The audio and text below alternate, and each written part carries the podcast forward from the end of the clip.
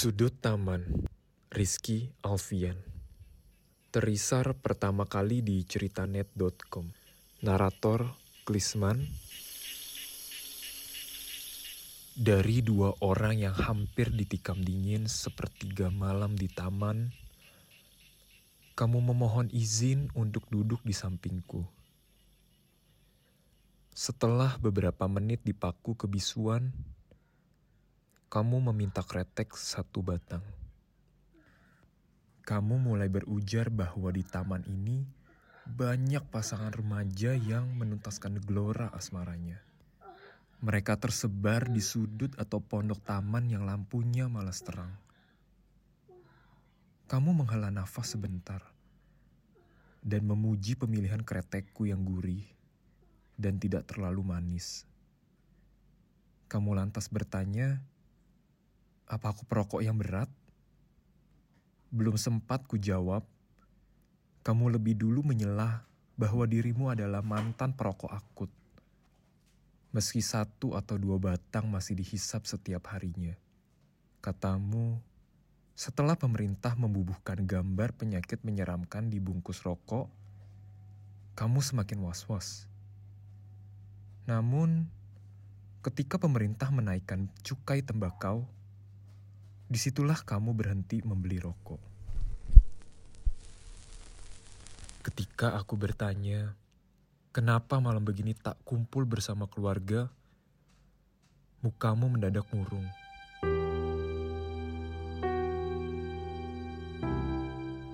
Sambil menunduk, matamu memejam, seperti mengingat-ingat peristiwa dahulu. Rumah adalah penjara dan tempat tersimpannya banyak kenangan buruk. Kamu menunduk setelah melontarkan pernyataan itu. Kamu bercerita bahwa kakakmu gantung diri di kamarnya.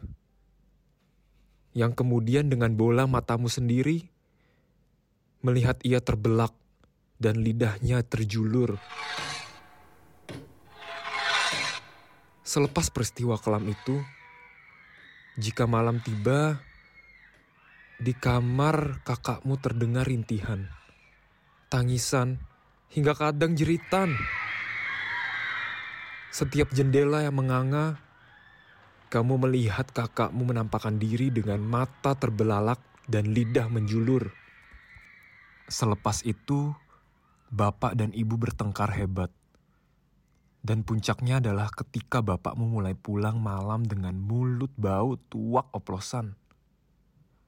Dan mulai berani melayangkan tangan dengan kasar ke wajah ibu.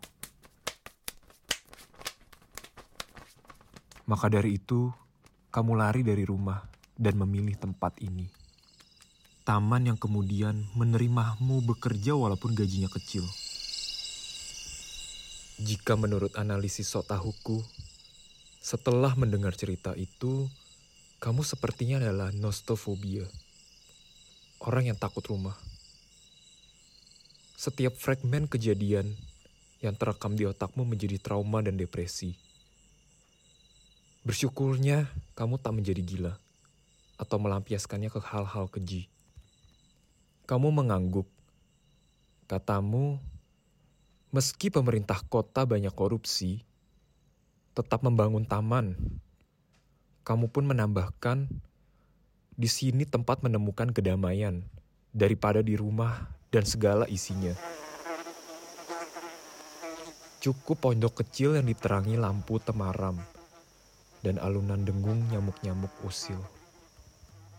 Ketika kita sedang hirup kretek dan belum sempat asapnya dikeluarkan dari paru-paru, ada orang yang menghampirimu dengan terhuyung-huyung.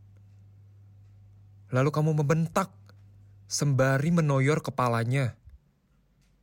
Kemudian ia berlari tanpa permisi. Kamu berujar, kawanmu ini jika bekerja selalu teledor. Meskipun diingatkan berulang kali, ia tetap mengulang kesalahan yang sama.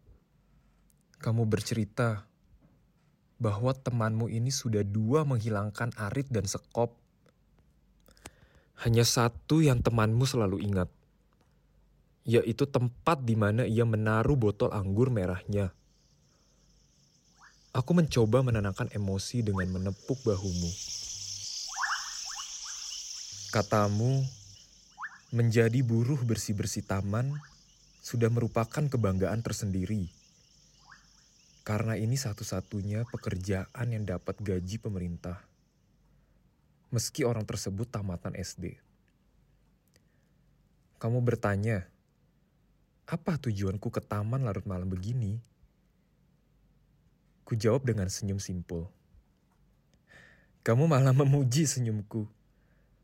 Yang katamu dapat menyejukkan hati di antara cahaya bulan dan lampu taman yang beberapa malas terang. Katamu pria segagahku tak pantas duduk sendirian. Katamu akan mencarikan teman wanita yang masih kisaran dua puluhan. Baru saja kamu bangkit, kulihat kamu malah menepuk jidat lalu berujar bahwa tadi sore ada razia polisi Pamong Praja. Dan kamu meminta maaf, kemudian kembali duduk bersamaku. Kamu tiba-tiba nyengir dan menggaruk-garuk kepala. Eh, rupanya kamu ingin minta tambah kretek lagi. Sudah 30 menit kamu bercerita, tapi masih segan saja kepadaku. Aku mengambil rokok sebatang, dan ketika hendak kunyalakan, kamu menyergahnya. Katamu, minta tabak kretek saja sudah cukup merepotkan. Biar kamu saja yang menyulut kretek itu. Kamu mulai menanyakan pekerjaanku mencecar dengan berbagai kemungkinan pekerjaan dari tampangku. Polisi pamong praja, pengelola taman, pegawai negeri. Namun semua yang kamu sebutkan agaknya cukup dijawab dengan senyum simpul saja. Kamu memegangi perut seraya meringis. Seperti ada sesuatu yang hendak keluar dari tubuh. Katamu, Mungkin ini hanya masuk angin, karena setiap malam tidur beralaskan karton dan berselimut sarung. 15 menit kemudian, kamu datang dengan membawa dua gelas kopi. Lalu, segelasnya lagi disodorkan kepadaku. Untuk menghangatkan badan, katamu. Jika aku polisi, maka kamu memohon untuk jangan menangkapmu.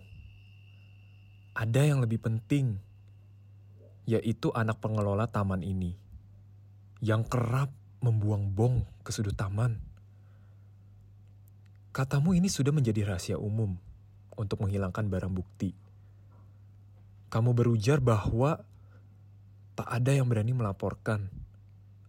Anak pengelola taman itu mengecam pekerjaan, bahkan merembet ke keluarga jika pelakunya sampai bocor kepada aparat. Apalagi kamu dan teman-teman lain ikut menggantungkan nasib di taman ini. Kamu juga mengeluhkan kepala keamanan di sini, ia akan memakimu. Jika pagi-pagi buta ia menemukan bekas kondom berceceran. Padahal, katamu pernah memergoki ia mengeksekusi pelacur di pondok taman paling Ketika kamu berpapasan dengannya, wajahnya merah padam, dan ia mengeluarkan pisau lipat, menunjuk ke arahmu, lalu mengancam jika kamu buka mulut. Jadi, itulah alasannya bahwa kamu sebenarnya korban dari ketidakberdayaan sosial. Menjelang dini hari, kamu menyuruhku pulang.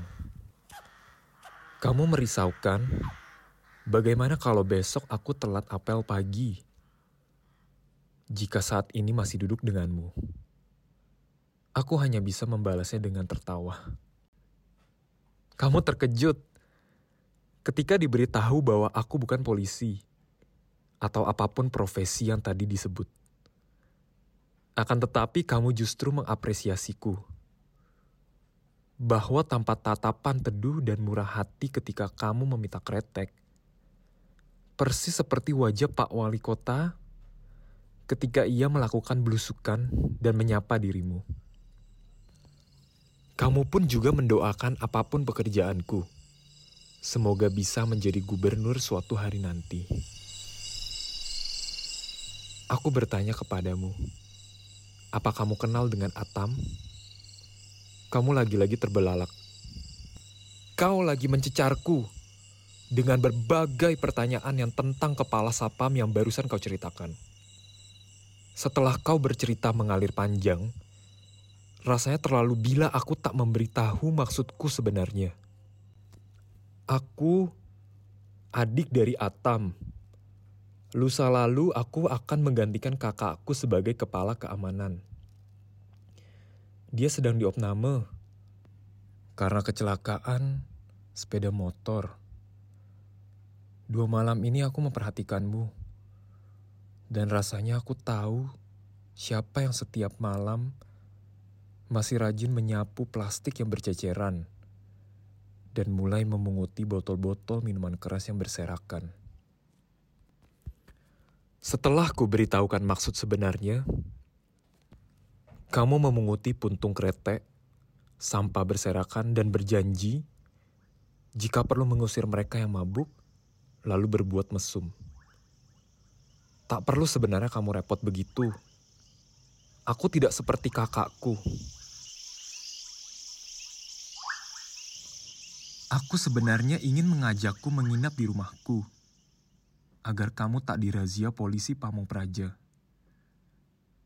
Aku juga khawatir kesehatanmu kelama-lamaan akan terganggu. Namun, kamu dengan tegas menolaknya. Nanti merepotkan dan lain sebagainya. Keluargaku terlampau cuek dengan orang di sekitarnya karena berbagai kesibukan yang mencekik.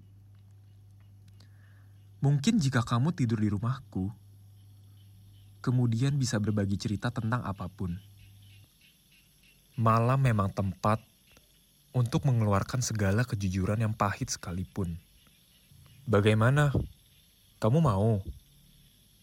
Ai, masih pikir-pikir. Oh iya, sepanjang kita duduk berdua, aku belum tahu namamu. Sanip, katamu singkat. Firdaus, aku menyahutimu. Lagi, kamu memuji namaku yang beraroma surga cocok dengan tindakanku. Seperti kamu berbakat menyanjung orang yang baru dikenal.